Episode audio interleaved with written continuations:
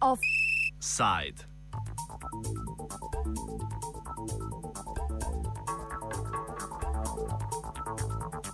ساق الخري إلى من جرب وخ الخري إلى من ترك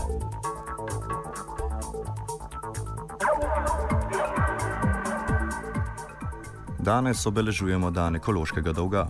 Gre za dogodek, ki je svetovni javnosti poznan od sredine 70-ih let, ko ga je uvedel Andrew Sims, član človekoljubne organizacije New Economic Foundation. Na ta dan različne ekološke usmerjene organizacije, kot sta slovenska Humanotera in svetovna Global Footprint Network, opozarjajo na prekomerno porabo in obremenitev naravnih virov. V izračunih za leto 2014 je poraba za 1,5 krat presegla zemljine kapacitete. Za komentar, ki vključuje pojasnitev situacije ter glavnih kontekstov, smo vprašali Renato Karbo, ki deluje v organizaciji Humanotera.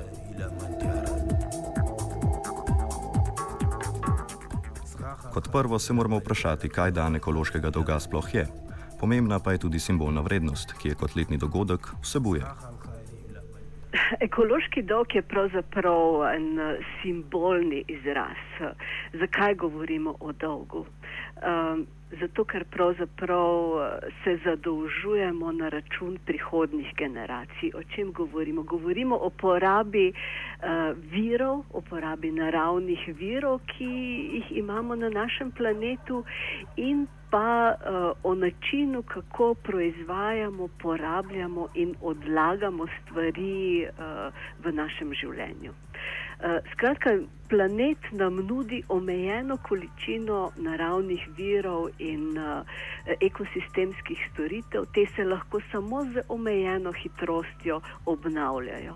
In če uh, obeležujemo dan ekološkega dolga 18. avgusta, To pomeni, da smo v sedmih in pol mesecih v letošnjem letu že porabili te naravne vire in ekosistemske storitve, ki bi nam pravzaprav glede na nosilno sposobnost planeta pripadali v celem letu. Zadolžujemo se pa, kot rečeno, na račun prihodnih generacij.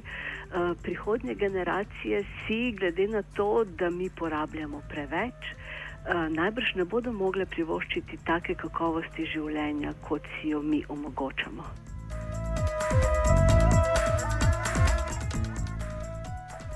Preidimo k ukrepom potrebnih za izboljšavo ekološke situacije.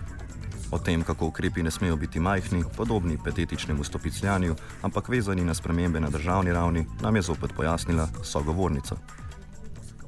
Izračuni kažejo, da na ravni planeta človeštvo porablja dvakrat več uh, naravnih virov in ekosistemskih storitev, kot jih naš planet lahko nudi. To pomeni, da um, na ravni planeta človeštvo bi potrebovalo pravzaprav dva planeta, ki jo seveda nimamo.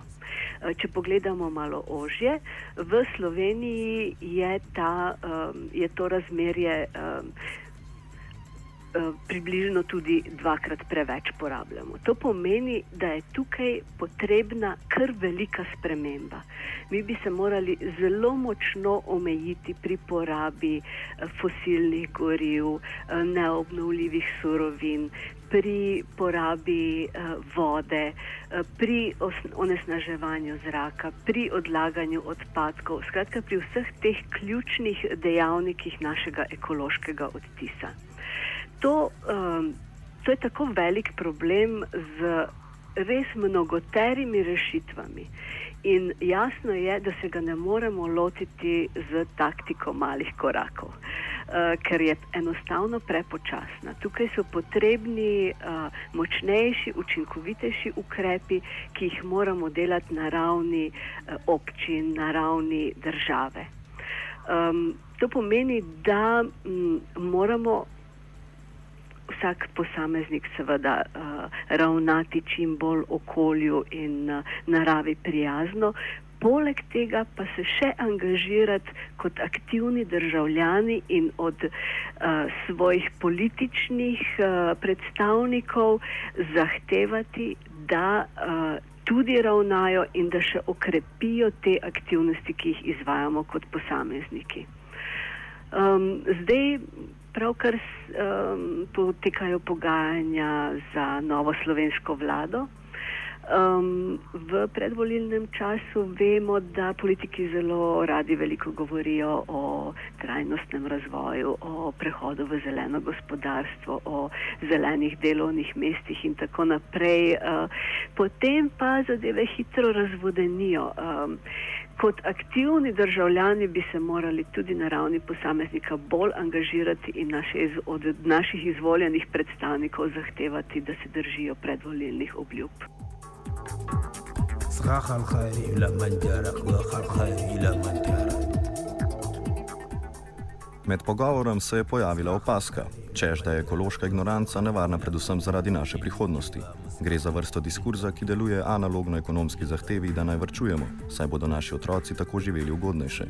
O navezavi na fanatično in destruktivno zavezanost tržni logiki pozneje. Zaenkrat recimo, da je očitno, da ekološki problemi niso zgolj nekaj, kar pričakujemo, temveč družbeno dejstvo našega bivanja tukaj in zdaj.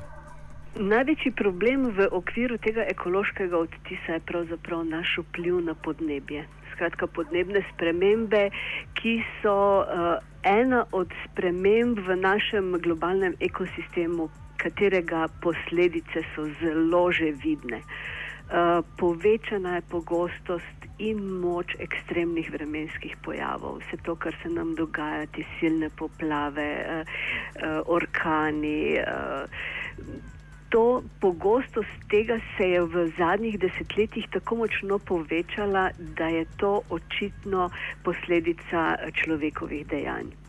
Um, in dejansko je prav čudno, da se politika tako počasi na to odziva, kljub temu, da so spremembe že tako velike. Uh, letos v, v septembru bo spet en velik tak prelomni dogodek, ko se, bo na, uh, ko se bo politika na globalni ravni dogovarjala in skušala doseči en um, globalni sporazum o omejevanju podnebnih sprememb. Um, takih uh, priložnosti je bilo v zadnjih letih že nekaj, ampak vse so spodletele. Skratka, ta m, moč eh, skupin, ki črpajo koristi zase iz tega, da se stvari ne spremenijo, to je eh, fosil, eh, industrija fosilnih energentov, fosilne energije, enostavno imajo zelo velik vpliv na politiko. In um, to tukaj moramo uh, kot aktivni državljani uh, odločneje zahtevati, da se politika loči od interesov uh, industrije, ki nas uh, in prihodnje generacije. Um,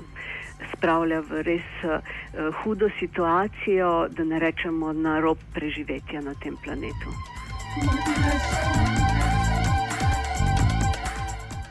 Trg nikako ne deluje v javnem interesu in ekološko blagostanje je samo še eno od njegovih področji. To se je lepo pokazalo na primeru emisijskih kuponov. Njihovo regulacijo je država prepustila finančnim mehanizmom, kar je posledično pripeljalo do nižene njihove cene in njihovo uporabo, ki onesnaževanja ni preprečevala, temveč legitimirala. Po še enem primeru, ko impotent, impotentna država zaradi svojega fa fanatičnega verovanja v nevidno roko abstraktne re regulativnosti trga ni upravila svoje naloge. Renata Karbo. Ah, uh, emisijski kuponi se dejansko uh, niso izkazali, niso uh, opravili svoje naloge, prav zaradi uh, njihove nizke cene, uh, ki enostavno onesnaževalcem ni uh, bila motivacija za to, da zmanjšajo svoje škodljive vplive na okolje. Uh, tako da. Um, enostavno uh, uravnavanje cene uh, kuponov tukaj politika spet ni opravila svoje domače naloge in uh, takih kompleksnih družbenih in naravnih problemov enostavno ne moremo prepuščati trgu, ker trg ne deluje v javnem interesu. Uh, tukaj bi, potrebna, bi bil potreben poseg uh, države oziroma Evropske unije, uh, da bi nastavila ceno kuponov tako, da bi z njimi potem dosegla cilje, ki si jih je zadala. thank you Seveda pa materialni zakonski ukrepi niso edini, ki k reševanju krize prispevajo. Treba jih je obravnavati istočasno z diskurzom, ki o tematiki spregovarja. Diskurzivna praksa medijev nam v tem primeru lahko služi kot učinkovita tehnika za uvajanje sprememb.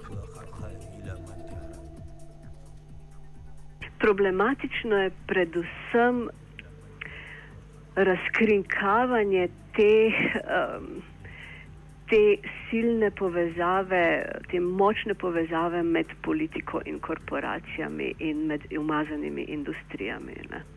Uh, in ogromni interesi in dobički, ki se kujejo na račun narave in javnega interesa. Um, te zgodbe so uh, netransparentne, jih je težko odkrivati, je treba vložiti veliko dela, ampak so zelo pomembne, ker so tako zelo indikativne.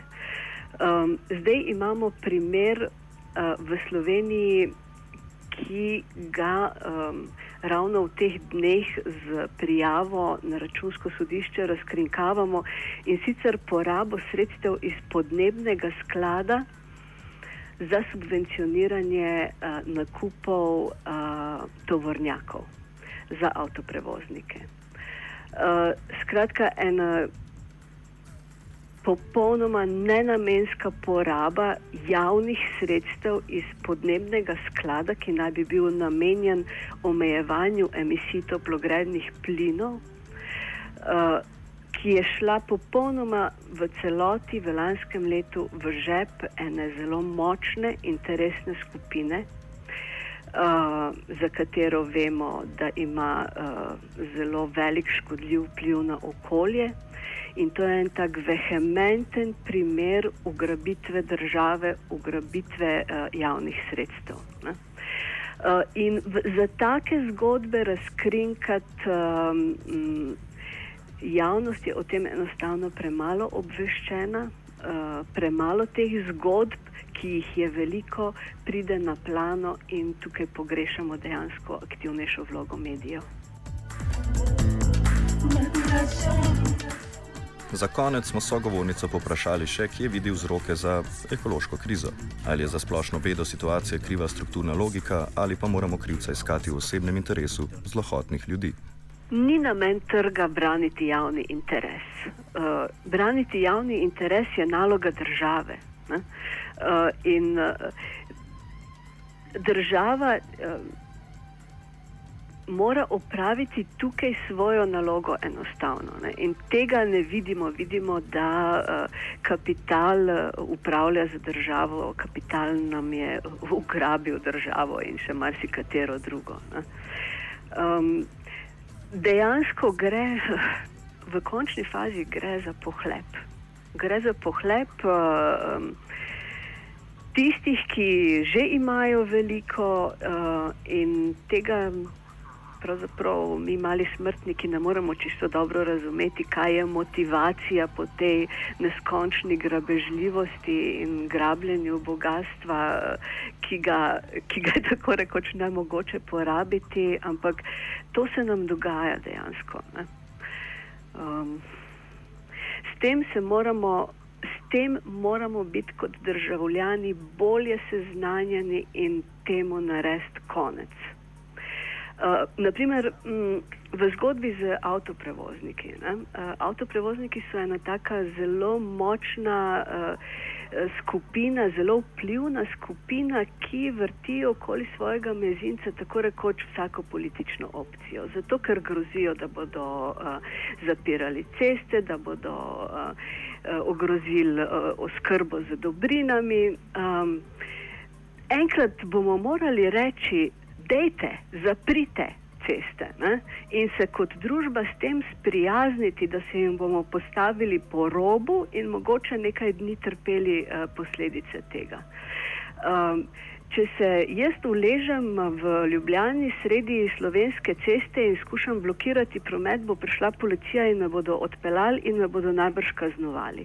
Jaz bi rada, da ravnajo tako tudi z avtoprevozniki, ko bodo uh, zablokirali ceste. Uh, skratka, m, država je od nas vseh in uh, zahtevamo enako ravnanje, pošteno z vsemi. Thank you. Lindanduri. Lindanduri. Offside je pripravil vajenec Matija.